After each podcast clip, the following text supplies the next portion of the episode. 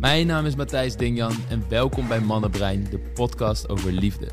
De plek waar ik samen met mijn gasten en met jou de liefde aanbid en onderzoek. Niet door je te vertellen hoe het moet, maar juist door je uit te nodigen om zelf te gaan experimenteren met wat voor jou werkt. In de podcast krijg je inzichten, kwetsbare verhalen en praktische adviezen over de liefde, daten, relaties en alles wat daaromheen hangt. Zodat je in jouw eigen leven meer liefde kan voelen, ervaren en zijn. Enjoy. Welkom Isabelle Veteris. Dankjewel. Net nog geoefend op de- het uitspreken van je achternaam. Nou, het rolde er redelijk vloeiend uit, voor mijn gevoel. Voor de mensen die jou niet kennen, kan je kort uitleggen wie je bent en wat je doet? Ja, nou, ik ben Isabel. Ik ben voormalig topsporter en ik ben in het powerliften een van de sterkste vrouwen van de wereld geworden. Daarnaast ben ik psycholoog. Ik heb psychologie aan de Universiteit Leiden gestudeerd. En vandaag de Mhm. dag help ik met name ondernemers om zakelijk topprestaties te leveren zonder dus privé in te leveren. En zoals ik dat noem ook te winnen bij de wedstrijd van het leven. Dus niet morgen miljonair te worden, Hmm. maar op je tachtigste er financieel goed bij zitten, een fijne relatie hebben, fysiek gezond zijn, dat je met je kleinkinderen kan spelen en je eigen veters nog kan strikken. Dus echt die lange termijn strategie hebben. Right. En een best wel holistisch beeld daarbij van oké, dit is wat allemaal belangrijk is om een goed leven te leiden, gelukkig te zijn op alle vlakken. Exact. Dus niet op één vlak topprestaties leveren, maar Ja. juist op alle vlakken. En dan blijft het ook stabiel. Dus stel dat je Mhm. bijvoorbeeld alleen maar focust op je lichaam, maar niet op je financiën. Ja, vroeg of laat dan kom je in de schulden of dan kan je net aan rondkomen en gaat het ook weer ten koste van je fysieke prestaties. Ja, Dus in mijn optiek is het ook essentieel om alles daarin mee te nemen. ja. Wat voor veel uitdagingen kan zorgen, maar daar zullen we zeker nog op komen. En jouw verhaal, wat mij heel erg integreert daarin, is je laat het ook heel duidelijk naar, naar buiten komen van hey, het is me niet allemaal voor de wind gegaan. Ik heb zelf grote obstakels moeten overwinnen om te komen waar ik nu ben. En een van die obstakels, om het dan maar zo te duiden, was dat je anorexia ontwikkeld had. En kan je me meenemen naar die periode, hoe dat was en hoe jouw leven er voordat je met topsport aan de slag ging, met mindset aan de slag ging, of hoe, de, hoe je leven er daarvoor uitzag? Ja, zeker. Ik, toen mijn eetstoornis begon, zat ik op de middelbare school. Ik eh, zat op het Stedelijk Gymnasium in Leiden. En de meeste mensen op school voelden voor mij als dertien in een dozijn. Dus het waren allemaal een beetje dezelfde type meiden. En toen hoorde ik er al eigenlijk niet helemaal bij. Ik deed toen turn op een hoog niveau, dus ik was al iets gespierder dan mijn leeftijdsgenoten. Hmm. En ik had mezelf dan ook het verhaal verteld dat ik er niet bij hoorde. Er Ah. was ook wel een cultuur van veel roddelen over elkaar, buitensluiten. En ik was best wel een gevoelig meisje, dus ik trok me dat ook heel erg aan. En toen dacht ik van, nou, als ik er iets meer uitzie zoals de rest, dan hoor ik er waarschijnlijk ook iets meer bij. Dus ik had op 1 januari het doel gesteld om af te gaan vallen. En in tegenstelling tot de meeste mensen die dat doel stellen en binnen twee weken al opgeven, lukt het mij juist heel erg goed. En ik viel 5 kilo af, 10 kilo af, 15 kilo af, 20 kilo af. Ik ben uiteindelijk meer dan 30 kilo afgevallen in ongeveer een half jaar tijd. En dusdanig dat ik uiteindelijk eh, bij de dokter kwam en dat ze zei van Isabel, je mag eigenlijk dus niks meer. Je mag niet sporten, je mag niet meer naar school. Ik mocht zelfs niet meer lopen, ik moest in een rolstoel. Ze wilde me eigenlijk het ziekenhuis eh, insturen. Hmm. En toen, ik, ik was best wel zwak in die tijd, ehm, maar nog wel sterk genoeg om te denken van ja, ik heb mezelf dit aangedaan. Dus ik wil mezelf ook beter maken. Ik wil niet het ziekenhuis in en zondevoeding krijgen en eigenlijk slachtoffer worden. Ik wilde ownership nemen eigenlijk over mijn hele proces, hoe pijnlijk het ook allemaal was. Dus toen heb ik wel de keuze gemaakt om weer te gaan eten, want dat was mijn medicijn. Maar hoe dat half jaar er voor mij uitzag, was obsessief bezig zijn. Dus met zo min mogelijk eten en zoveel mogelijk bewegen, want dat gaf me dan controle. En ook al hoorde ik er juist minder en minder bij bij de groep, want ik zat helemaal in mijn eigen hoofd. Maar ik voelde dat minder, want het verdoofde wel. Hmm. Dus het is heel erg paradoxaal dat eigenlijk de reden dat ik het ben gaan doen, dat, dat werkte helemaal niet. Maar ik, het, het gaf me ergens wel een kick.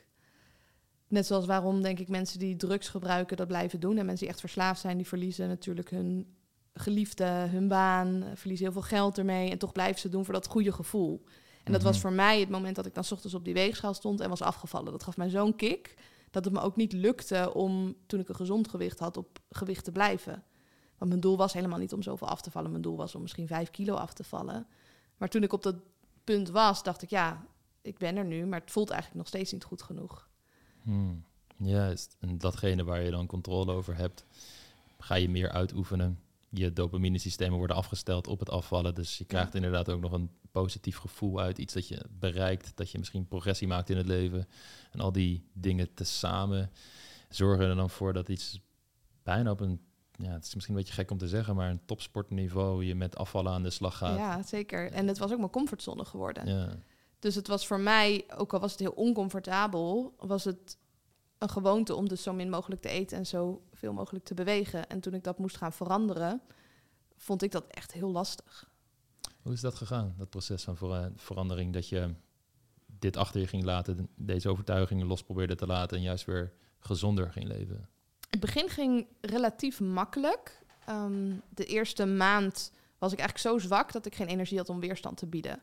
Het lastigste werd eigenlijk op het moment dat ik weer een gezond gewicht had. En je dus niet aan me kon zien dat ik een eetstoornis had. Maar het nog steeds in mijn hoofd zat. Hmm. En dat ik door de artsen als genezen werd verklaard, omdat ik geen ondergewicht meer had.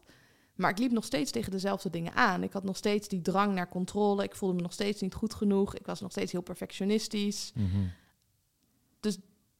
Toen begon eigenlijk pas het hele proces. En dat was eh, toen ik 17 denk ik was. Ik heb een jaar bijna in de kliniek gezeten. Toen mocht ik weer de wijde wereld in. Ging ik weer naar school. Toen werd ik daar eigenlijk weer in getriggerd. Dat ik dacht, oh, nu kom ik weer in die omgeving waarin ik voel dat ik er niet bij hoor. En sterker nog, ik was blijven zitten dat jaar. Dus ik zat weer in een jaar, een nieuw jaar. Met Hmm. nieuwe mensen die ook wisten van ja, wat ik had. En ik wilde het heel graag verbergen, maar dat gaat natuurlijk niet helemaal. Je ziet het letterlijk aan mensen. En ze hadden me ook wel in die tijd gezien. Dus ik, ik vond het wel een lastige tijd toen de middelbare school daarna. Ik ben ook veel afwezig geweest, eh, veel mijn eigen ding gedaan, veel gaan sporten ook. Ik ontdekte in die tijd ook een beetje de sportschool. En dan merkte Nee. ik van, hé, hey, wat interessant dat waar ik vroeger trainde om mijn lichaam wat meer kapot te maken, ben ik nu aan het trainen om mijn lichaam te bouwen en om wat het kan, wat ik kan presteren, in plaats van een sixpack of een zo plat mogelijke buik of welk doel ik Mhm. ook maar had in die tijd. Wauw. Ja. Het is iets wat we ook vaak in de liefde horen, dat mensen bijvoorbeeld op het moment dat ze zichzelf eventjes uit de triggers weghalen, dus niet met daten bezig zijn, Ja. dat ze op zich wat beter gaan voelen. Maar zodra ze dan weer op online dating apps gaan, of zodra ze in contact komen met een man en getriggerd worden in bepaalde onzekerheden, angsten die zich met, met zich meedragen, dat het dan allemaal weer naar boven komt en je dan zoiets hebt van, ah shit, the problem is still there. Ja. En eh, het doet me altijd denken aan die Jim Carrey quote van... ik zou willen dat iedereen succes heeft of het geld heeft waar hij van droomt... zodat ze zien dat dat niet de oplossing is. En dat is exact hetzelfde met het denken dat een relatie jouw problemen gaat oplossen. Want dan voel ik verbinding, voel ik me niet meer eenzaam. Terwijl de grote distinctie daar is van ja, die eenzaamheid die je ervaart... staat wel in verband met het alleen zijn, maar niet helemaal. Want je kunt nog steeds heel veel verbinding, connectie, mooie relaties en geluk in het leven ervaren, ondanks dat jouw status op Facebook single is. Weet je, dat, er zijn heel veel mensen die dat ervaren. Maar als jij denkt dat je dat moet gaan opvullen met iets wat al jouw problemen gaat oplossen, dan plaats je dat automatisch in een hele gevaarlijke situatie. Omdat je ook ontvankelijker wordt voor oplossingen die heel rigoureus zijn en wellicht een gevoel van controle geven, maar zoveel kapot maken. En dat is natuurlijk ook de relaties waar je misschien in blijft, die des- destructief zijn voor je zelfbeeld. Soms als je fysieke gezondheid, door alle stress die je uit zo'n relatie kunt ervaren en alle dingen die erbij los kunnen komen. En ik denk dat dat ook eh, een, reis is die iedereen op een bepaalde manier in zijn leven moet maken, los van wat je in het verleden hebt meegemaakt.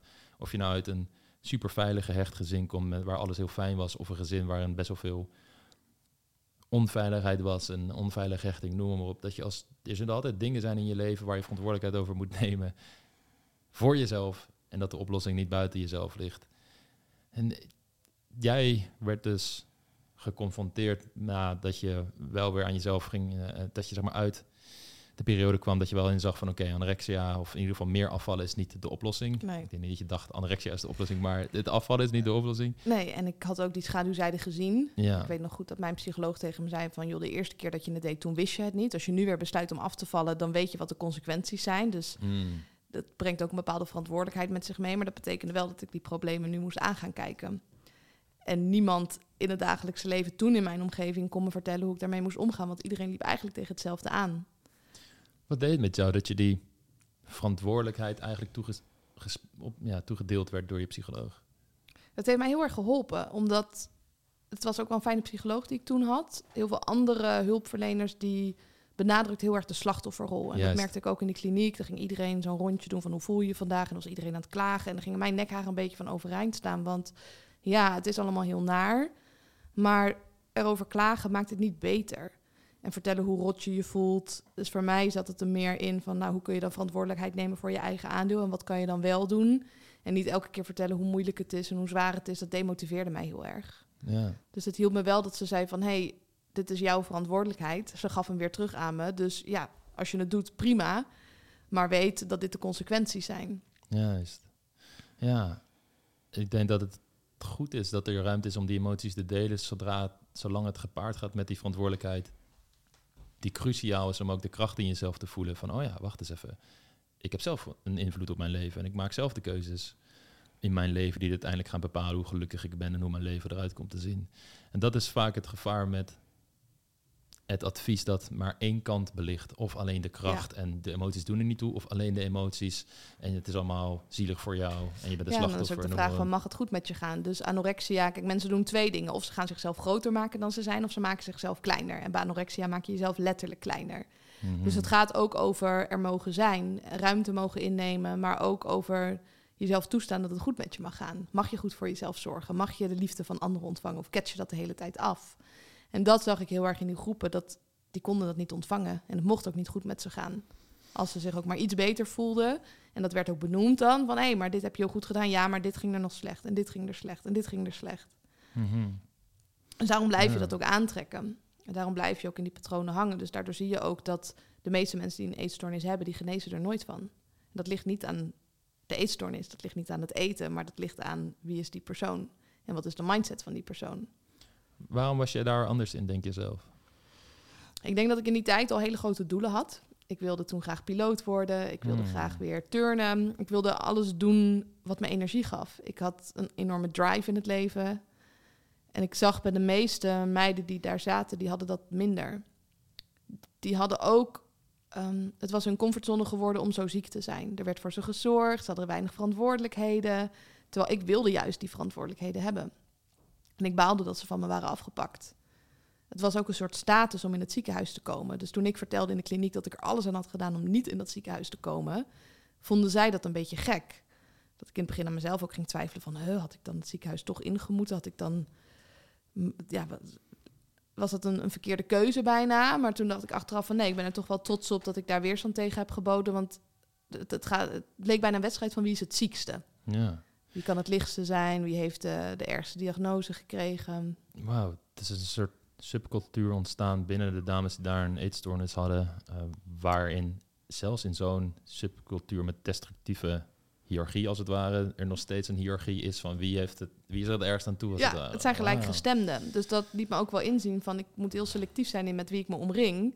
En als ik me omring met gelijkgestemden die willen presteren op de toppen van hun kunnen, dan moedigen we elkaar aan om het allerbeste uit onszelf te halen. Maar als we natuurlijk in een groep zitten met allemaal destructieve mensen, of dat nou mensen zijn met eetstoornissen, maar ik hoorde dat ook wel van als het gemengd is. Dus als mensen met eetstoornissen in een groep zitten met mensen met depressies of eh, Hmm. whatever, dan gaan we de slechtste dingen van elkaar overnemen. Ja, Dus ik begon ook dingetjes over te nemen van meiden in de kliniek die ik normaal gesproken niet deed. Dus tot die tijd at ik helemaal niet langzaam. En ineens begon ik langzamer te eten en mijn eten in gelijke stukjes te snijden en dat soort dingen te doen. Dat mijn moeder zei, waar ben je mee bezig? ja. Ja, weet ik niet, maar ik doe het maar gewoon, want dit is de norm in die groep. Juist. Ja, je ziet het in kleine situaties al. Bijvoorbeeld mijn vriendin eh, werkt in het onderwijs, onder andere ook als eh orthopedagoog. En, en vooral ook met kinderen bijvoorbeeld met gedragsproblemen. En dan zie je dat zelfs als de groep best wel oké is, maar er wordt iemand nieuw in geplaatst die heftigere problemen heeft dan de rest, dat sommigen daar dan weer meegenomen worden. En dat Ja. is de cultuur in zo'n groep als het ware gaat veranderen. Ehm, maar je hoort het ook altijd in voetbalteams. Dit, ik, ik, eh, ik luister wel eens naar voetbalinterviews ook. En eh, dan is het heel interessant als je vooral eh, in de podcast daarover luistert. Dat bijvoorbeeld als er een paar in het team zijn die, ondanks wanneer het slecht gaat, rustig blijven, blijven focussen op oké, wat kunnen we doen? Zichzelf niet verliezen, ook daar in een negatieve mindset of slachtofferschap. Dat dat een standaard is voor de cultuur. Maar dat zodra er een paar tussen zitten die juist de ondergrens aantikken of daar doorheen zakken, dat dat ook weer een hele grote impact heeft op een beetje de middenmoot die daartussen zit. En dat dat een hele deli- delicate balans is die je als het ware wil houden met de omgeving die je voor jezelf creëert. Ik, ik- waar ik nog wel nieuwsgierig naar ben, is waarom denk jij dat je dan, want je had grotere doelen, grotere dromen, wat je heel veel energie kan geven en hoop kan geven op een betere toekomst. Bij andere dames zag je dat wellicht wat minder. Wat heeft dat verschil gemaakt dat jij die dromen had, denk je? Hoe, hoe kwam dat? Ja, ik, ik, ik had die dromen sowieso al voor mezelf. Dus dat was al voordat ik die eetstoornis kreeg. En toen ik dus al die restricties had, toen ben ik mezelf echt wel blijven herinneren aan die doelen. Dus ik had een motivatieboekje voor mezelf gemaakt met een moodboard erin of allemaal motiverende teksten. Of ik had meiden van school erin laten schrijven, mensen van mijn turnclub. En daar schreef ze dan ook in van, oh, ik hoop dat je snel weer terugkomt. Dus ik bleef me ook wel omringen, dus met de mensen die het beste uit me haalden. Ehm, dus zo bleef ik wel echt met mijn genezingsproces bezig in plaats van met het ziek zijn. Is dat, er zit natuurlijk een stuk persoonlijkheid in, Ja, wat gewoon jij maakt wie je bent. Waarschijnlijk ook een stuk opvoeding, wellicht dat je wel bijvoorbeeld de juiste condities had om verder in op te groeien binnen het gezin. eh, turnen, iets wat je al deed, waar je veel energie en betekenis uit haalde voor je leven. Dat je in ieder geval die dingen hebt gehad. Dat je dus ook geproefd hebt van glimpsen van hoe mooi het leven kan zijn. En wat je in ieder geval weet dat er iets anders bestaat dan de realiteit waar je op dat moment met anorexia in zit. Wat beter is. Terwijl misschien sommigen dat vanuit huis uit al niet mee hebben ervaren. Want ik kan me voorstellen als je uit een moeilijkere gezinssituatie komt, wellicht er ook geen ruimte was voor jou om jezelf te ontplooien en dingen te ontdekken als beginnende tiener van hey, wat wordt nou eigenlijk mijn identiteit? Wat zijn de dingen die mij energie geven? Dat je dus ook niet geproefd hebt van de schoonheid van het leven en het dan moeilijker is om uit die slachtofferrol op te rol te stellen, want, stappen, want er is ook niet echt iets soort van licht aan het einde van de tunnel. nee. En veel En- meiden zaten ook wel echt in een lastige situatie. Ik voelde me Ja. bijna schuldig dat ik een eetstoornis had gekregen. Dat ik dacht, ja, maar ik heb een heel goed leven. Waarom heb ik dit gekregen? Want die zit eh, met gescheiden ouders thuis. eh, die vader heeft drugsproblemen. Juist. Er waren echt wel extreme dingen. Juist. dat ik echt wel daarna een zoektocht heb gehad van... oké, maar waarom heb ik dit gekregen? Terwijl eigenlijk mijn leven zo goed gaat aan de buitenkant. Mhm. Wat maakt dan toch dat ik me mm, van binnen zo ellendig voelde? Ja, ja dat, dat blijft een iets interessants en ook wel weer de enorme rol van de omgeving voor het individu. En dat je dat niet los kunt zien van de keuzes die het individu maakt. Want aan de buitenkant, oké, jullie hebben allebei een eetstoornis, maar hè, jij en iemand die bijvoorbeeld een vader heeft die aan drugs verslaafd is. Maar de hele context waarin dat zich plaatsvindt verschilt zo erg. Dat kun je niet los van elkaar zien. En ik heb een vriend gehad die eh, een eh, psychose heeft gehad. Wat helemaal uit het niets kwam. eh, op, op latere leeftijd ook. En hij werd zo goed opgevangen door nou, al zijn vrienden, zijn familie. weet hoe leuk het leven kan zijn. En, en is daar gelukkig heel goed van hersteld. Maar ik ben hem vaak gaan opzoeken in de kliniek. En het is heel schrijnend om te zien dat heel veel mensen daar, ook als ze uit de psychose zouden komen en weer in de wereld terechtkomen, soms letterlijk niemand hebben Ja, die ze zou kunnen steunen. Ja, dan slip je ook weer makkelijker terug erin. En dat is, dat is een soort variabele, weet je wel. Kijk, het ja enige je wat kan je... wel zeggen, het ligt aan jezelf... maar dat, het ligt aan zoveel factoren. Zoveel factoren. En toch moet je inderdaad ook wel focussen op de dingen waar je in ieder geval wel controle over hebt. En dan komen we dus bij een, een stuk mindset waar je jezelf ook mee aan de slag bent gegaan. Want hè, zelfs als je al die goede omgevingsfactoren hebt, dan is het alsnog aan het individu ja, om daar ook echt mee aan de slag te gaan en het mooie uit het leven te halen. En ook als je die omgevingsfactoren niet hebt, ja, wat kan je doen? Het enige wat je kan doen is verantwoordelijkheid nemen. Dus het blijft nog steeds wel het juiste antwoord om in ieder geval verantwoordelijkheid te nemen over je eigen leven en verder te gaan. Maar dat, eh, Ja, en ook al lijkt het aan de buitenkant alsof het allemaal goed gaat... maar ja, elk huisje heeft een kruisje. Bij mij thuis waren er ook echt wel dingen... en dan was ik eerder geneigd om dan in die groep te doen... alsof het allemaal supergoed ging, omdat het dan zo Mm. zwaar was. Dus ik merkte Ja. ook dat ik niet helemaal tot mijn recht kwam in de groep... omdat ik me ook niet kwetsbaar op durfde te stellen. Right. Ja. Ja, ja. Het is interessant hoe dat soort processen werken. Omdat wellicht juist ook... Ik kan me wel voorstellen dat sommige mensen dan misschien iets hebben van... Ja, maar kijk, nou, ja, zo groot is jouw probleem niet. Maar juist ook soms als ze zien van... Oké, iemand waar ik wellicht een beetje tegenop kijk van... Oh, zij heeft het allemaal wat beter voor elkaar. Heeft ook nog steeds onzekerheden. Het kan ook weer een heel helend effect hebben van... Oh ja, het geeft mij ook weer kracht om met de dingen die in mijn leven spelen om te gaan. Het is, een, Ja. eh, het is een interessant proces daarin. Jij bent uiteindelijk hier wel echt mee aan de slag gegaan, topsport gaan doen. Hoe was die, die hele reis voor jou daarin? Dat je dus eigenlijk van het ene uiterste helemaal doorgaat naar juist een heel positief uiterste. Ja, het was sowieso een lange reis. Laat ik daarmee beginnen. Mhm. Het heeft ehm, bijna tien jaar geduurd. Dus op mijn zeventiende werd ik genezen verklaard. Ik heb mijn middelbare school afgemaakt, ging ik psychologie studeren. Ik wilde eigenlijk piloot worden. Maar toen ben ik afgewezen voor de opleiding. En als je dan een bacheloropleiding hebt gedaan, dan mag je nog een keer selectie doen. Aha. Uiteindelijk heb ik dat niet meer gedaan, omdat energie voor mij zo belangrijk is dat ik geen nachten meer wil overslaan, dat ik die kant niet op wil. Ehm, maar toen ben ik psychologie gaan studeren en ik hoopte daar heel veel te leren over persoonlijke ontwikkeling. Maar het ging vooral over de gemiddelde mensen en over de zieke mensen. En positieve psychologie was toen nog niet zo booming als dat wat dat nu is. Dus ik ben zelf op zoek gegaan naar de antwoorden daarin in deels de Amerikaanse markt. Toen werd er al heel veel geschreven over mindset. En ik ben met een coach aan de slag gegaan en ik ben vooral ook dingen gaan doen. Mhm. En dat maakte bij mij wel dat ik uh, nou ja, van die mindset van laten we zeggen vijf en een half naar die negen of die tien ging.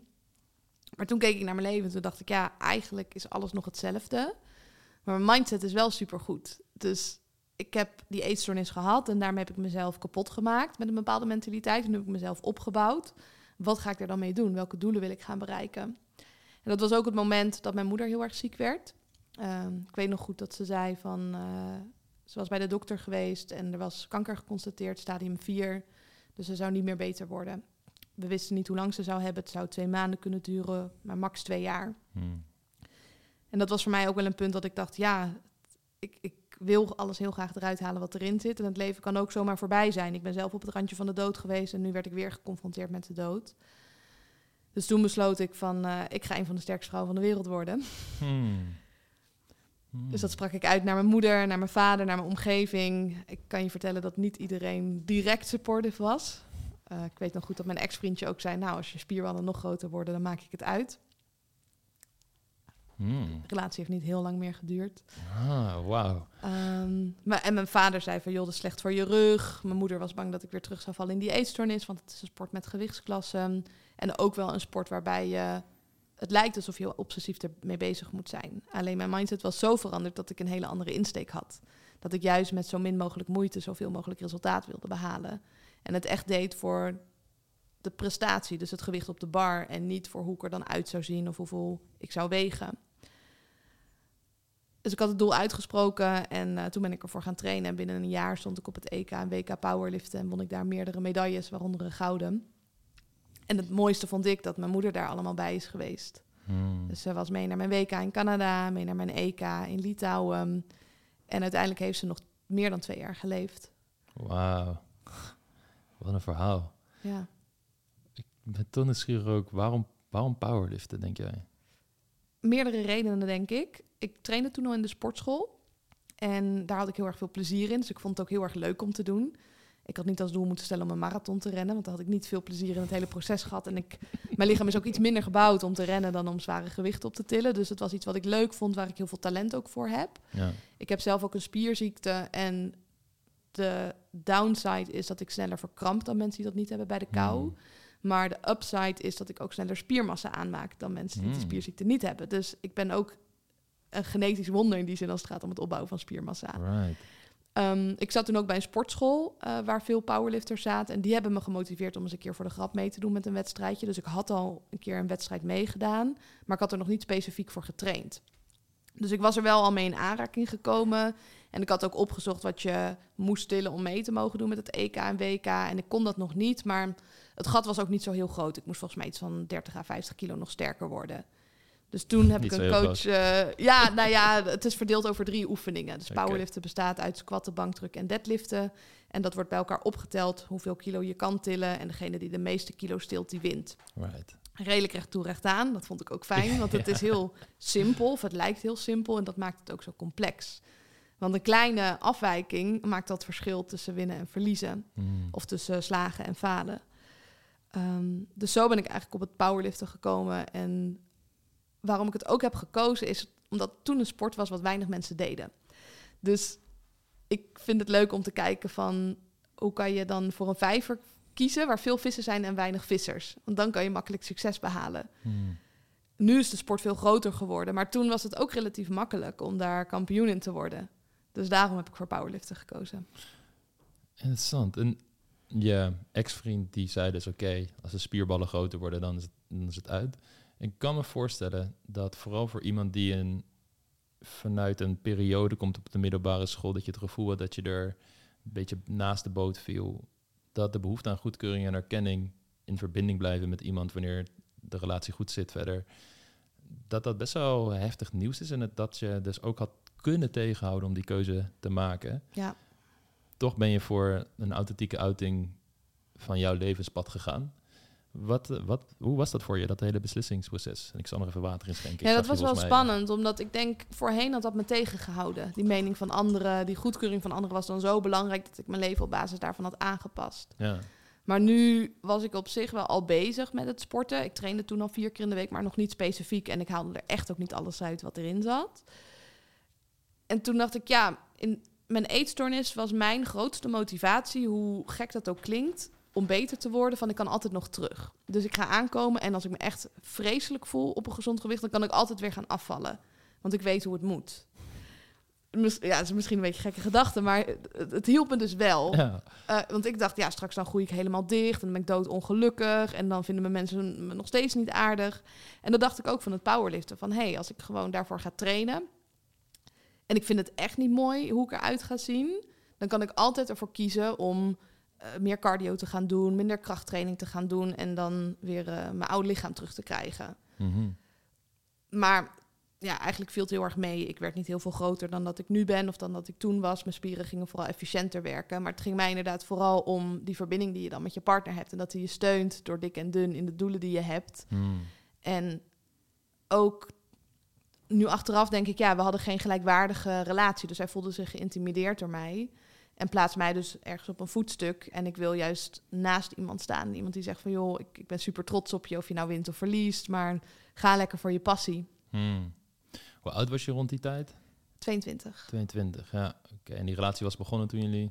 Ik was toen 19. Ja, dit is iets wat ik vaak hoor. Begin 20 toch wel echt goed gaat nadenken over wie je wil zijn in het leven.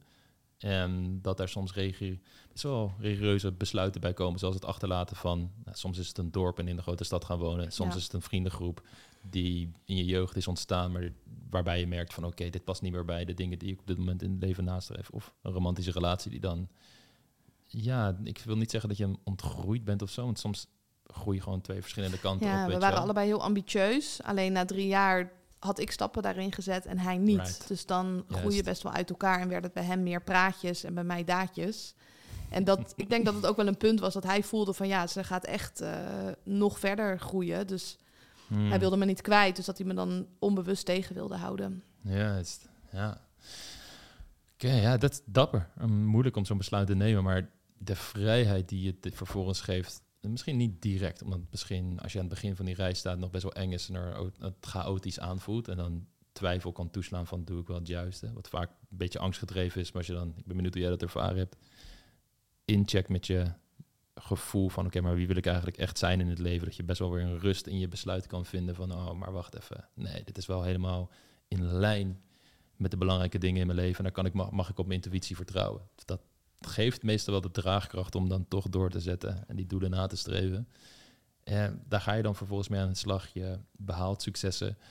Wat deed dat met je? Wat, hoe veranderde je dat? Of was het, was het juist een bevestiging voor dingen die je eigenlijk al wel een beetje wist? Ja, ik denk vooral dat laatste. En ik vond het vooral leuk om het met mensen te delen. Hmm. Want hoe gaaf die successen ook zijn, maar de dag daarna word je wakker en dan is er eigenlijk niet zo heel erg veel anders. Het is niet alsof iedereen op straat voor je staat te klappen omdat je een gouden medaille gewonnen hebt. Mhm. Ehm, ik heb uiteindelijk ook een nieuwe partner toen leren kennen. Ook vanuit de powerliften. We hebben elkaar op de dopingcontrole leren kennen. Ehm, tijdens de powerliften zijn we ook samen geweest. Dus het was ook heel gaaf om dat met hem te delen. En om dat met mijn moeder te delen. En met mijn vader en met mijn zussen. Ehm, maar het- in de powerliftwereld werd ik heel erg aangemoedigd. Maar ik studeerde die tijd aan de Universiteit Leiden. Mensen vonden het wel gaaf wat ik deed. Maar ik merkte wel dat ik meer en meer af begon te wijken van de groep. Dus het heeft zo zijn eh, voordelen en zijn nadelen. Dronk je ik. bijvoorbeeld? Nee. Nee, juist. Veel nee, ik zat niet bij een en- studentenvereniging. Ik dronk niet. Ik werkte wel in de horeca, maar dan in een restaurant die op tijd dicht ging, zodat ik ook op tijd weer naar bed kon. Ehm, Juist. Ja, dan ga je een hele andere levensstijl aanhouden dan de mensen waar je op dat moment mee in contact bent op de studie. Ja, zeker. ja. Hoe heeft dat het hele beeld dat je lichaam zou gaan veranderen? eh, Wat, wat deed dat gewoon met jouw hele idee hoe mannen bijvoorbeeld naar jou zouden kijken? In het begin vond ik dat dus heel spannend, dat ik dacht, oh, dan gaan mannen me minder aantrekkelijk vinden. Ik heb ook een hele tijd bijvoorbeeld mijn biceps bewust niet getraind, omdat ik niet wilde dat die groter zouden worden. Maar toen ik dat omarmd had en mijn partner toen, die was zelf ook heel groot, omdat die powerliften, dan voelde ik me weer kleiner. Dan voelde ik me weer een meisje bij hem. Of dan voelde ik me, ondanks dat ik wat groter was dan gemiddeld, toch heel vrouwelijk. En ik denk ook dat het niet zozeer zit in hoe je eruit ziet, maar ook hoe je je gedraagt. Dus kun je alsnog als een meisje gedragen en kun je alsnog overgeven aan een partner, kun je zijn leiding accepteren, kun je gewoon in je blije vrouwelijke energie zitten. En zolang dat lukt, dan maakt het eigenlijk niet zo heel veel uit hoe je eruit ziet. Je noemt daar een paar dingen die ik altijd heel interessant vind om uit te diepen. Kijk, dus volgens mij, voor mij één ding heel duidelijk. En dat is als wij mannen meer assertiviteit laten tonen. Ehm, en niet op een soort dominante manier met vrouwen laten omgaan, maar juist dat ze hun oprechte interesse durven te tonen. Wat een soort van leiding nemen is in het bijvoorbeeld het aanspreken van iemand, het initiatief nemen, het jezelf ook kwetsbaar durven opstellen. Want je, als je het op een mooie manier doet, begeef je in een positie dat de ander je ook natuurlijk gewoon kan afwijzen. Ehm, en je laat zien dat je bereid bent om die angst te overwinnen, om haar toch aan te spreken. Wat, wat hele mooie eigenschappen zijn, die horen bij typische mannelijke eigenschappen, zoals wij dat vaak zien. Toch is er natuurlijk ook heel veel geluid. En ik, ik wil niet per se die een soort hele culturele topic ingaan. Maar er, ik kan me voorstellen dat er ook vrouwen zijn die hier naar luisteren en denken: hé, hey, je als een meisje gedragen. Weet je wel, ik ben gewoon een volwassen vrouw. Hoezo moet ik me als een meisje gedragen? Ja. Het zijn dingen die ik soms bij me ja, krijg. Ik ben benieuwd naar wat jouw visie daarop is. Ja, ik heb een hele traditionele visie daarin. Mm -hmm. Dat ook al, ik bedoel, ik ben nu bijvoorbeeld ondernemer. Uh, ik verdien mijn eigen geld. Ik kan prima een man aanspreken. Ik kan prima voor mijn eigen dates betalen. Ik kan, ik kan alles zelf, maar ik wil het niet zelf doen.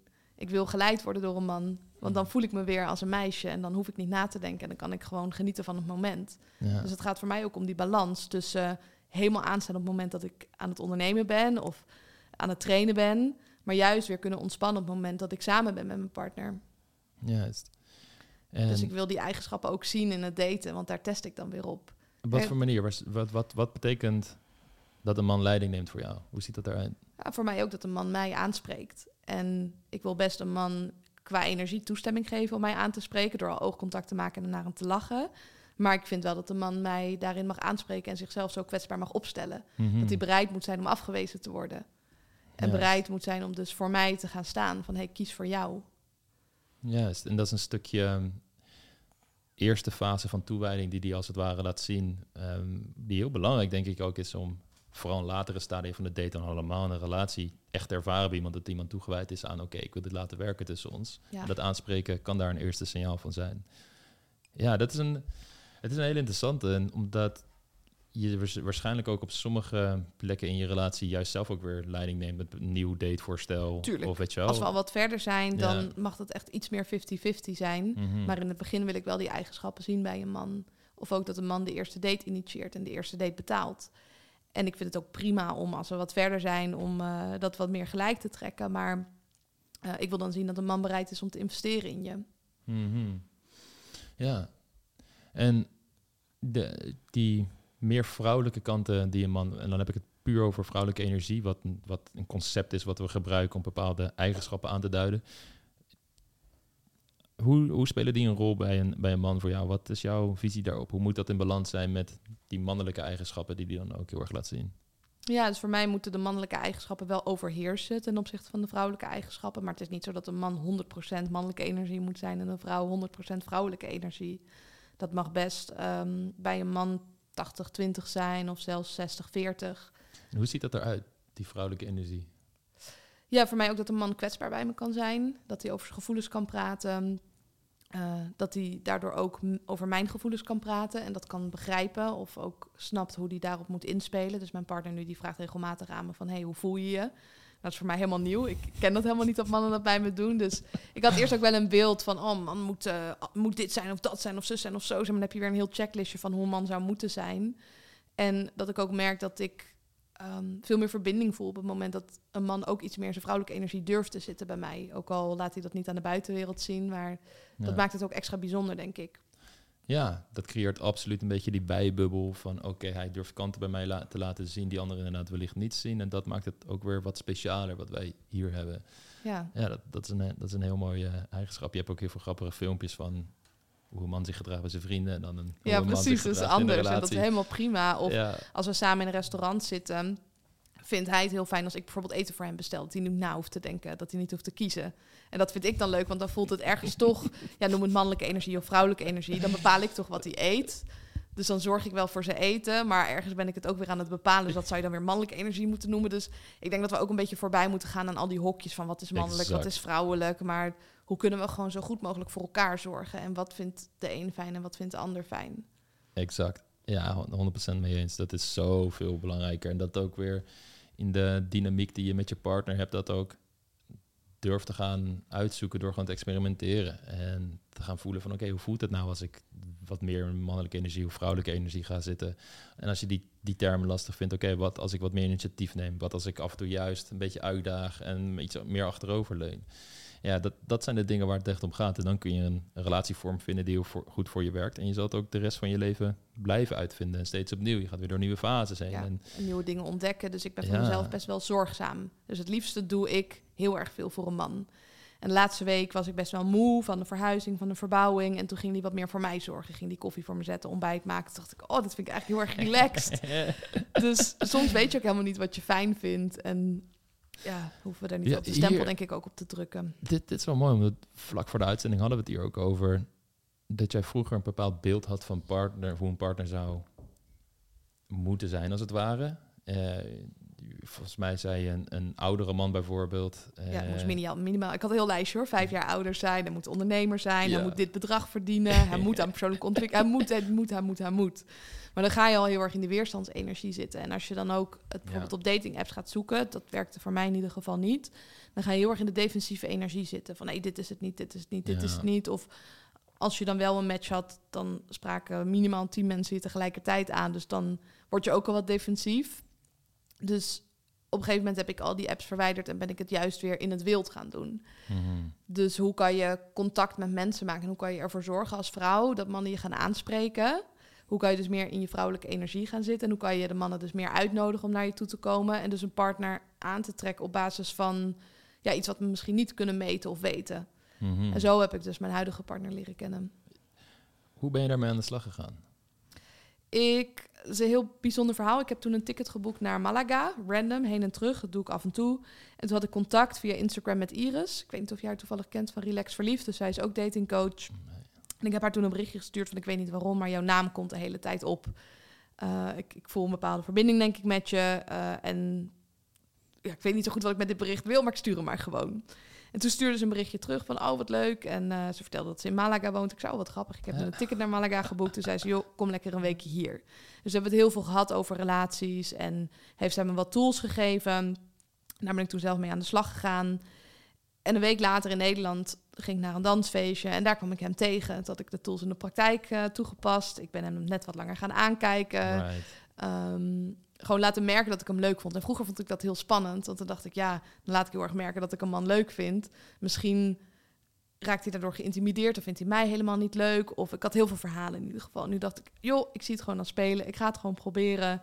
En toen sprak hij me daarna aan, want we hadden gedanst samen. En ik bleef naar hem kijken daarna. En toen vroeg hij me nog een keer ten dans. En toen vroeg hij me op date. En nou ja, van het een kwam het ander. Ehm, maar ik had hem nooit geselecteerd via social media. Want hij is jonger dan ik. Hij is geen ondernemer. Eh, hij sport niet zo fanatiek als ik in de krachttraining. Maar hij is meer van het skaten en van het kickboksen. Maar Hmm. juist daardoor verraste hij me heel erg. 100%. En dat, dat is inderdaad het interessante, dat het hele checklistje wat je in je hoofd had, heel erg angstgedreven was. Van oké, hij moet hier allemaal aan voldoen, anders dan is het misschien niet goed genoeg. Kan ik niet gelukkig Ja. zijn in die relatie of wat de... Precies. Sentimenten dan, ook eh, zijn kan die ik er- niet overgeven aan hem. Ja, ik, ik heb het zelf dus op een, een soort gelijke manier ervaren in de liefde. Ik met mijn ex, toen was ik eh 19, 20, dat ik uitgemaakt. Ik wilde, ik dacht, de rest van mijn 20 jaar ga ik gewoon lekker bachelor zijn en genieten van de vrijheid. En daarna ga ik wel zetten. Eh toch mijn vriendin ontmoet, maar zij paste niet bij een soort plaatje wat ook mijn vrienden aan mij teruggaven over het soort vrouwen dat ik waar ik op viel. Het was heel mijn beeld van vrouw was een, een soort Latina en er zaten allemaal aspecten aan vast. En mijn vrienden maakten er ook altijd grappen over. Dus het ook nog door mijn buitenwereld, de directe relaties, werd dat beeld ook in stand gehouden. Eh, er zat zelfs een stukje bijnaam aan vast. Mijn, mijn vrienden noemden mij Toro vroeger. een soort running joke was dat mijn vader Mexicaans was. Eh, omdat ik het altijd koud heb en nog wat andere zaken. Dus er zaten heel veel aspecten aan dat verhaal die toch best wel een sterke stempel drukten op het beeld dat ik, waar ik ook aan vasthield. Van ja, met zo'n soort partner moet ik uiteindelijk eindigen. Dat heb ik mijn vriendin ontmoet. En zij was op heel veel vlakken totaal anders van dat beeld. En in het begin vond ik dat best lastig Omdat die discrepantie daartussen bij mij, puur mijn ratio, mijn gevoel, grappig genoeg niet. Ja, Maar dat moet je dan moet goed even gaan lijmen. Juist, dat, elkaar. dat Ja. moet je echt bij, mezelf, bij jezelf gaan zien van, oh, wacht even, dit is gewoon inderdaad een verhaal dat ik mezelf heb wijsgemaakt, wat nergens echt voeten heeft in de realiteit. Want als ik naar mijn gevoel toe ga, dan is er geen enkele twijfel. Precies. En zodra je weer in je hoofd gaat, dan gaat het mis. Exact. En, en dat is dat, dat stukje van, oké, naar je gevoel durven te gaan en daarvoor moet je in je lijf durven zitten, waarmee je ook oké moet zijn dat er ook dingen kunnen zitten die niet zo prettig zijn. En als je dat allemaal blijft wegstoppen, en dus eigenlijk een muurtje bouwt tussen jou en je emoties die je, die je niet wil voelen, bouw je ook een beetje een muurtje tussen jou en je intuïtie en de dingen die je juist wel heel erg goed kunnen helpen om de juiste keuzes te maken in het leven. En bij mij moest ik toen daar dus helemaal in gaan leunen. En dacht, oh oké, wacht even, als ik hier gewoon op blijf vertrouwen en vooral ga focussen op de schoonheid van deze relatie en wat het allemaal kan worden, ja, toen is het allemaal geshift voor me. Maar ik herken dat dus wel erg en ik zie het ook heel erg bij mensen die bij mij komen voor datingadvies, dat als ze op relatie op eh, dating apps gaan zitten, inderdaad met een hele defensieve, angstige energie van oké, man moet wel hier aan voldoen. En zijn er red flags en is het geen narcist en is het niet dit en zo. Dit moet de man van mijn dromen zijn, dus dan moet ik ook heel selectief zijn. En wat als het nu een paar leuke berichten uitgewisseld hebben en ik hoor opeens niks meer van hem. Oh ja, die pijn die wil ik niet ervaren, dat kan ik niet aan. En als je ze dan laat shiften van oké, dat- sure, dat, dat, hè, dat is er allemaal.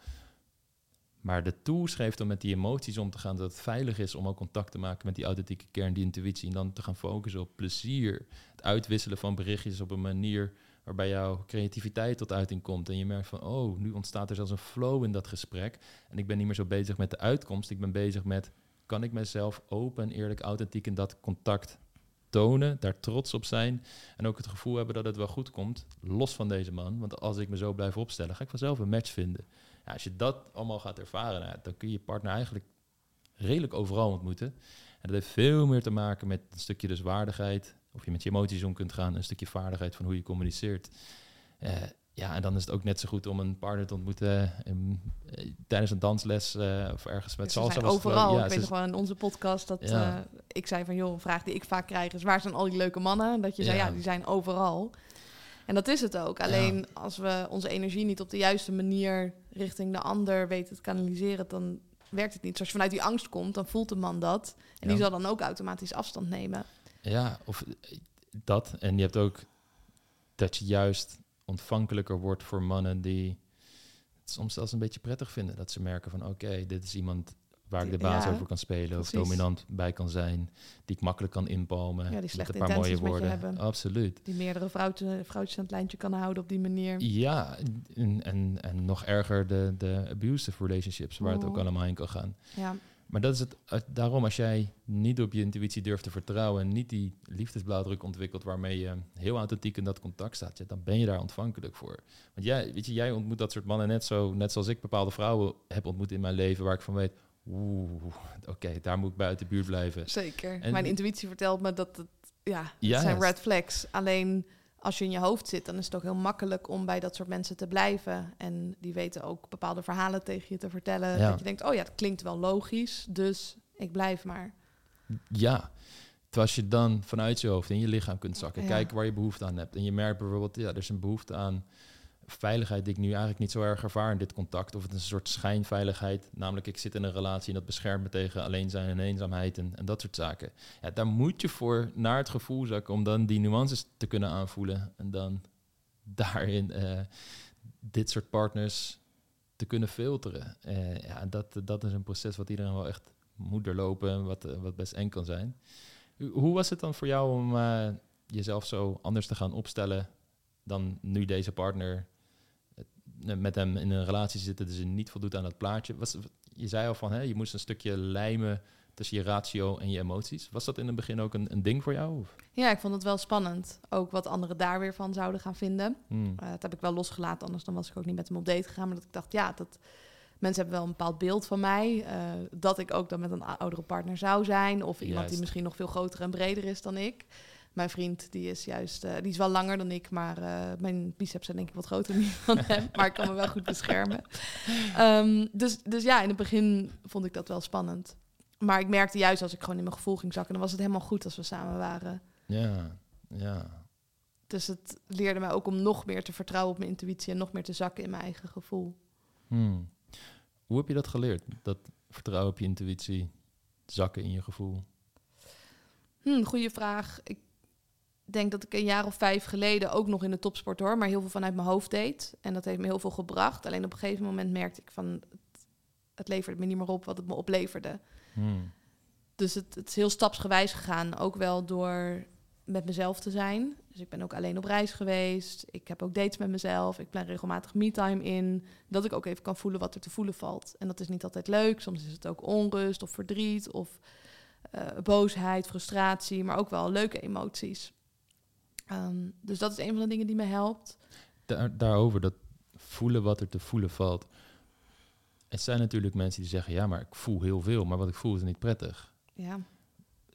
Hoe, wat is jouw kijk daarop? Dus als mensen bijvoorbeeld zeggen, ja, maar volgens mij doe ik dat allemaal. Volgens mij, ik voel toch van alles. Dus ja, wat bedoel je nou precies met voelen wat er te voelen van? Want het- ik kom daar niet mee verder. Ik zit nog steeds heel erg in mijn hoofd. En wat is jouw, jouw snap je wat ik daarmee bedoel? Ja, dus Ja. het, kijk, het gaat eigenlijk in drie stappen als we het weer rationeel gaan benaderen. Het gaat om het herkennen, het erkennen, het loslaten. Mhm. Dus als je alleen bent met je gevoel en je herkent het, dan heb je het waarschijnlijk nog niet erkend. Het mag er niet zijn. Dan denk je, ja, ik voel het nu allemaal, maar ik kan er niks mee, dus wat moet ik? ja. Dus kan je er met liefde naar kijken van... hé, hey, ik voel me vandaag wat gestrest, ik voel me ellendig of ik voel me verdrietig.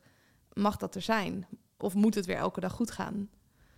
En op het moment dat dat er mag zijn, dat je dat erkent en er ruimte aan geeft... dan is het vaak heel makkelijk om het los te laten. Maar die stap van erkenning is vaak de stap die veel mensen overslaan.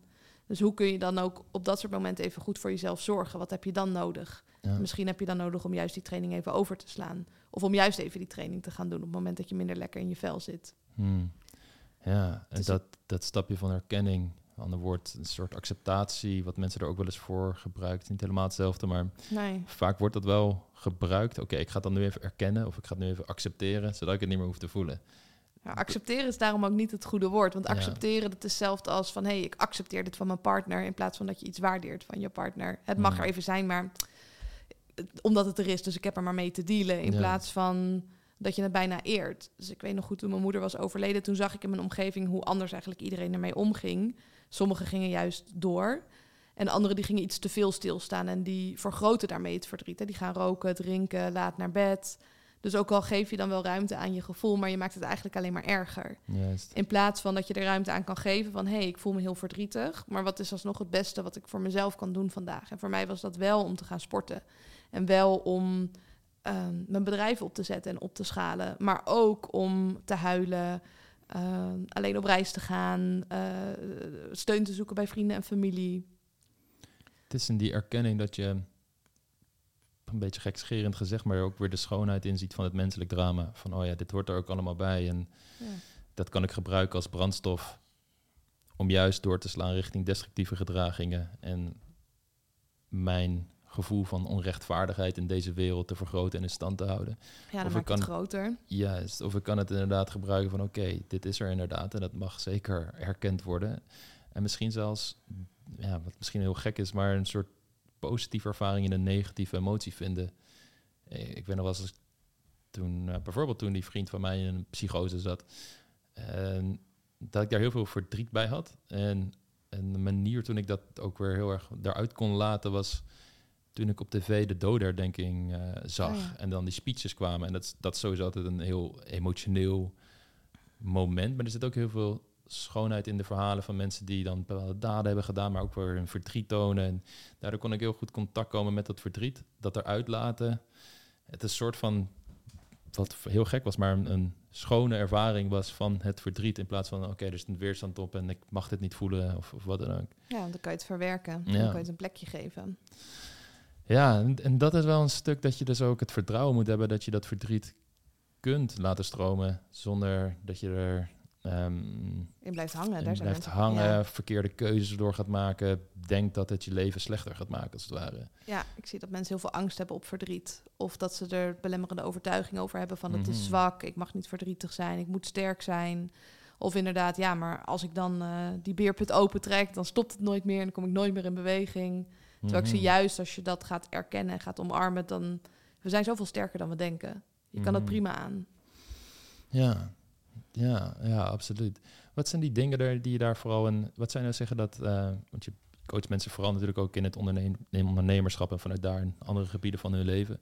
Wat zijn de belemmerende overtuigingen die jij het meeste tegenkomt?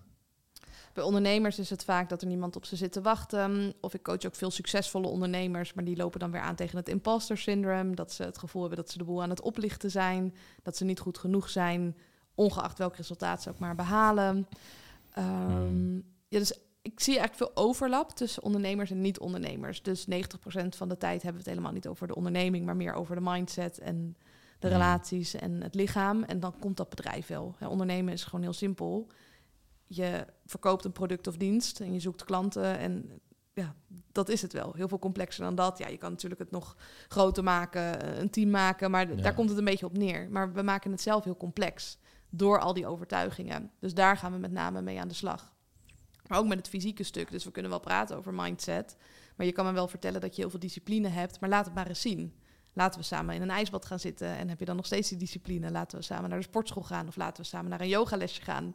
Leuk dat je sterk bent, maar ben je op dat moment ook sterk? Dus ik pak het heel holistisch aan. En dan vertaalt het zich wel naar de business. Hmm. Dus ik hoor, imposter syndrome is een hele grote.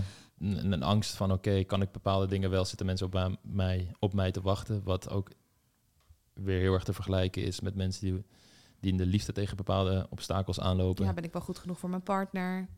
Ga, hè, ze geloven vaak wel dat er leuke mannen zijn. Maar niet dat die mannen hen ook leuk gaan vinden. Ja, ja. En als je dan in een relatie zit, oké, ja, wat nou als hij mij opeens niet meer leuk vindt, is bijna een soort imposter syndroom van, ja, hij- ziet nu wel bepaalde kanten van me.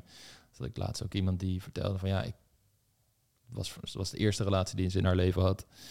En ik zeg ook altijd, hey, het is super mooi. Aan het begin van de datefase gaan we met je aan de slag, zodat je het vertrouwen hebt dat het goed gaat komen. Als we dat eenmaal hebben, dan zie je eigenlijk dat mensen best wel snel een partner aantrekken.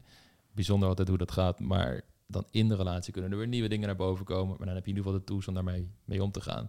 En voor haar was het bijvoorbeeld eentje waar ze toen achter kwam was... oh, ik ben best wel bang om mezelf zonder make-up of helemaal opgemaakt aan mijn partner te tonen. En het was ook de eerste relatie, dus dat soort dingen waren ook nog nieuw voor haar. Maar dan kon ze dat erkennen ook weer in zichzelf. Dat gewoon bespreekbaar maken met die partner, heel mooi gesprek over hebben. En, voep, en, het was, en het was weer los. En dus dat stukje, als je een heel erg imposter syndroom hebt en heel erg vanuit die angst in die relatie blijft zitten, dat je denkt, oh ja, nee, dat moet ik inderdaad wel in stand houden. Want als hij mij zonder ziet, ben ik misschien niet goed genoeg. En dan ga je dat zeg maar ook voeden, waarmee je ook Ja. weer een angstigere energie uitstraalt in dat contact, omdat je dan de hele tijd naar manieren moet zoeken dat je partner je niet ziet zonder make-up bijvoorbeeld. Ja, dan, dan creëer je je voelt een het hele ook van, wat gekke- ze rare dingen. hele gekke Ja. energie in die relatie. En daarmee maak je jezelf onaantrekkelijk. En dat is zo, zo zonde van heel veel van dat soort dingen. Als je het echt kunt omarmen bij jezelf, ervoor uit kunt komen en de verantwoordelijkheid overneemt. Dat is vaak ook het moment dat je partner zoiets heeft van... Wauw, ze heeft misschien bepaalde onzekerheden of angsten, maar ze loopt er niet voor weg. En dat is hetgene wat ik bewonderingswaardig vind. Diepe aantrekkingskracht bij iemand opwekt, wat verder gaat dan alleen... als ziet er leuk uit, leuke uitstraling, en we hebben een klik. Dat, dat is het stuk Er waar... zijn heel veel mooie vrouwen. ja, Dat, ja, een relatie gaat veel verder dan dat. Exact, maar dan, dan moet je dat wel echt durven te tonen en dat eh, stapsgewijs gaan, gaan doen, zodat je erachter komt van, oh ja, dit pad is wel echt een bevrijdend pad ook om eh, te gaan bewandelen. Ja, zo is het ook in het ondernemerschap. Ja. Je moet jezelf laten zien. Want er zijn zoveel ondernemers. Dus hoe ga je onderscheiden van de concurrenten? Dat is door jezelf te laten zien, een statement te durven maken en ook kwetsbaar te mogen zijn. Ja, als je niet bereid bent om dus naar binnen te kijken bij jezelf en dat te ownen, dan kan je dat ook niet uitdragen naar de buitenwereld. Hmm. ja absoluut. Ik heb bijvoorbeeld één iemand gecoacht en eh, die eet zelf volledig plantaardig en die draagt dat ook uit naar buiten. Nou, je kan je wel voorstellen dat er nogal wat haat op haar afkomt. Dan moet je sterk genoeg zijn om dat te kunnen dragen. Ja, ja. ja, dat is ook een beetje dat hele ding van je zal altijd afwij afwijzing is een thema wat je niet uit de weg kunt gaan in het leven. Net zoals de dood, net zoals allerlei grote thema's die gewoon bij het leven horen. Maar zodra je daar wel copingmechanismes mee probeert te ontwikkelen om daar maar uit de buurt te blijven, ja, dan, dan wordt je leven ook als het ware een gevangenis van de angsten die jou inboksen om maar vooral in die comfortzone te blijven en dingen uit de weg te gaan. Ja, mensen gaan toch altijd Ja. wel wat vinden. Ja. Heb jij, ehm, kijk, al die dingen die staan heel erg samen. Merk je ook vaak, ik ben wel benieuwd naar hoe, hoe jij dat ervaart bij de mensen die je helpt. Wij zien heel vaak, oké, we gaan met de liefde aan de slag, ripple effect naar heel veel andere gebieden. Je focust natuurlijk of, officieel gezien vooral op het ondernemen, maar zie je dan bijvoorbeeld dat mensen zich anders op gaan stellen in relaties? En wat zijn de grote veranderingen, mocht het zo zijn, die je dan ziet? Ja, leuk. Ik vraag ook meestal aan het einde van het traject van hey, welke veranderingen heb je gezien en waar ben je het meest eh, blij mee. Mhm. En dan is dat ook met de veranderingen op het relatiegebied. Terwijl ja, we focussen daar een deel op, maar een deel ook helemaal niet. Maar op het moment dat je dus meer vanuit rust komt, aan de ene kant topprestaties levert, maar niet vanuit het moeten, maar echt vanuit die speelsheid, ja, dan word je ook aantrekkelijker voor je partner. Mhm. Of dan ga je een andere partner aantrekken. Uh, dus daar zie ik wel veel verschil in. Maar de meeste mensen komen bij mij vanuit, oh, ik wil eigenlijk wat meer bereiken en ik wil stoppen met uitstellen. Maar waar ze mee weggaan is dat rust heel erg belangrijk is. Dat ze meer mogen ontspannen, dat ze meer mogen focussen. Ja. En dat het niet op discipline hoeft. Mm. Maar dat het juist op basis van flow mag. En dat ze niet heel hard hoeven te werken voor succes, maar dat er een makkelijkere manier is om je doelen te bereiken. En dat dat betekent dat je misschien wat ballen mag laten vallen en wat meer nee mag gaan zeggen en wat meer mag gaan afwijzen, maar dan richting anderen. Um, maar dan wat er overblijft, dat je dat heel erg goed gaat doen. En in kleine stapjes. Mhm. Ja, dat is een, iets wat je daar zei. Dus dat je succesvol kunt zijn zonder dat je als het ware jezelf moet voorbijlopen of heel hard moet pushen. Ik, ik ben wel benieuwd hoe jij dat hebt ervaren toen je dan je, de topsport inging, daar successen ging behalen. Het, ja, het is heel mooi om het vanuit flow te doen. Dat is een ideale staat waar we allemaal in zouden willen zitten. Tegelijkertijd zijn er heel veel voorbeelden van mensen die het ook wel zo vanuit een bewijzingsdrang, minderwaardigheidscomplex, Mhm. pijn uit het verleden, Ja. juist tot hele grote prestaties zijn ge- gepusht, als het ware. En Die betalen er ook wel een grote prijs voor. betalen een hele grote prijs voor. Ja. Maar, maar wat, wat is jouw kijk daarop? Je zegt het eigenlijk al, betalen een grote prijs. Maar wat is die, die prijs bijvoorbeeld voor jou? Ja, ik heb die prijs wat minder betaald. Ook omdat ik het toen ook vanuit flow deed. Dus Mm. ik trainde geen 7 à 10 keer per week, maar vier keer in de week. En ik focuste heel erg op de rust en leuke dingen doen. En ik vond het al helemaal fantastisch dat, op een, dat ik op een wereldkampioenschap mocht staan. Dus het boeide me eigenlijk niet zoveel of ik daarna zou winnen of verliezen. En ik denk dat ik daarom ook heb gewonnen. Hmm. Dus ik had heel erg die groeimindset, of ik noem dat meer de topsportmentaliteit in plaats van die winnaarsmentaliteit. Dus bij een winnaarsmentaliteit moet je kosten wat kost winnen. Je geeft 200% en het mag ten koste gaan van alles. Je gaat over de grenzen. Je Ja. focust ook alleen maar op dat ene doel. Terwijl bij een topsportmentaliteit focus je op verschillende dingen. Dus niet alleen maar op die topsportprestatie, maar ook op je relaties. Ik focuste ook op mijn studie. Ik focuste ook op gewoon mijn vrienden zien. Ik focuste ook op mijn werk. Mm, en omdat de sport dus niet zo belangrijk is, ga je er beter in presteren. Want anders hangt alles af van dat ene moment. Nou, die druk, de meeste mensen kunnen dat helemaal niet aan. Mhm. En ik had zoiets van, ja, als ik niet winnen op dat wereldkampioenschap... Ik heb nog genoeg andere leuke dingen in mijn leven. Mijn leven heeft niet in het teken gestaan van de sport. Ik heb wel keuzes gemaakt waardoor ik meer gewicht ben gaan tillen. Dus elke dag was ik wel bezig met... hey, gaat deze keuze me helpen om meer of minder te tillen? Maar veel meer ook met een lange termijn visie. Dus ik heb nooit doping gebruikt. Ik ben ook nooit in de blessures gekomen. Want ik had zelfs zoiets van, ja, dat is het me niet waard... om blessures te krijgen voor de sport. Dus ik nam ook sneller rust, terwijl andere atleten sneller door zouden trainen, ook al hebben ze een pijntje en dus geblesseerd raken en op de wedstrijd minder kunnen tillen. Dus ik had een iets andere visie daarin. Ja, dat is een interessant, omdat je aan het begin ook vertelde, het was een wat relatief minder bekende sport, minder mensen die eraan deelnemen, waardoor het wellicht ook dan nog kan om op zo'n manier heel succesvol te zijn. Zeker. Terwijl als de pool groter wordt, dat er misschien automatisch grotere opofferingen ook moeten Ja, komen. dan doet iedereen dat. Exact. Dus Ja. nu is het moeilijker om dat op die manier te doen. Eh, omdat er bijvoorbeeld meer doping in de sport wordt gebruikt, of meer mensen die nog harder trainen. Of... Maar ja, alsnog, ik, ik, als we bijvoorbeeld ook kijken gewoon naar het stukje wetenschap. Als je je spieren wil laten groeien of sterker wil maken, dan moet je ze eerst kapot maken. Dan wil je herstellen, dan kom je weer op hetzelfde niveau. En dan heb je de adaptatie, dus dan groeien. En ik zie dat als mensen dus te hard trainen of te vaak trainen, dan blijf je hangen op hetzelfde niveau. Want je bent wel hersteld, maar je bent nog niet gegroeid. Mhm. Dus ik ging pas trainen op het moment dat ik gegroeid ben. En zo kan je dus met zo min mogelijk effort zoveel mogelijk resultaat behalen. Dus wellicht kost het me nu wat meer tijd als ik weer eh, op topniveau mee zou willen draaien. Maar ik zou denk ik nog steeds dezelfde methode hanteren. Mhm. Mhm. Want Ja. als je maar gewoon door blijft gaan en niet geblesseerd raakt... en op die manier traint, als je lichaam niet kapot maakt... dan eh, word je elke keer sterker. Hmm. Ja. Zie je jezelf ooit nog teruggaan? En, en dit soort, uh, bijvoorbeeld, wellicht is het een hele andere sporter, maar weer op topsport gaan beoefenen? Of, ja, ik ben nu weer bezig met een andere sport. Okay.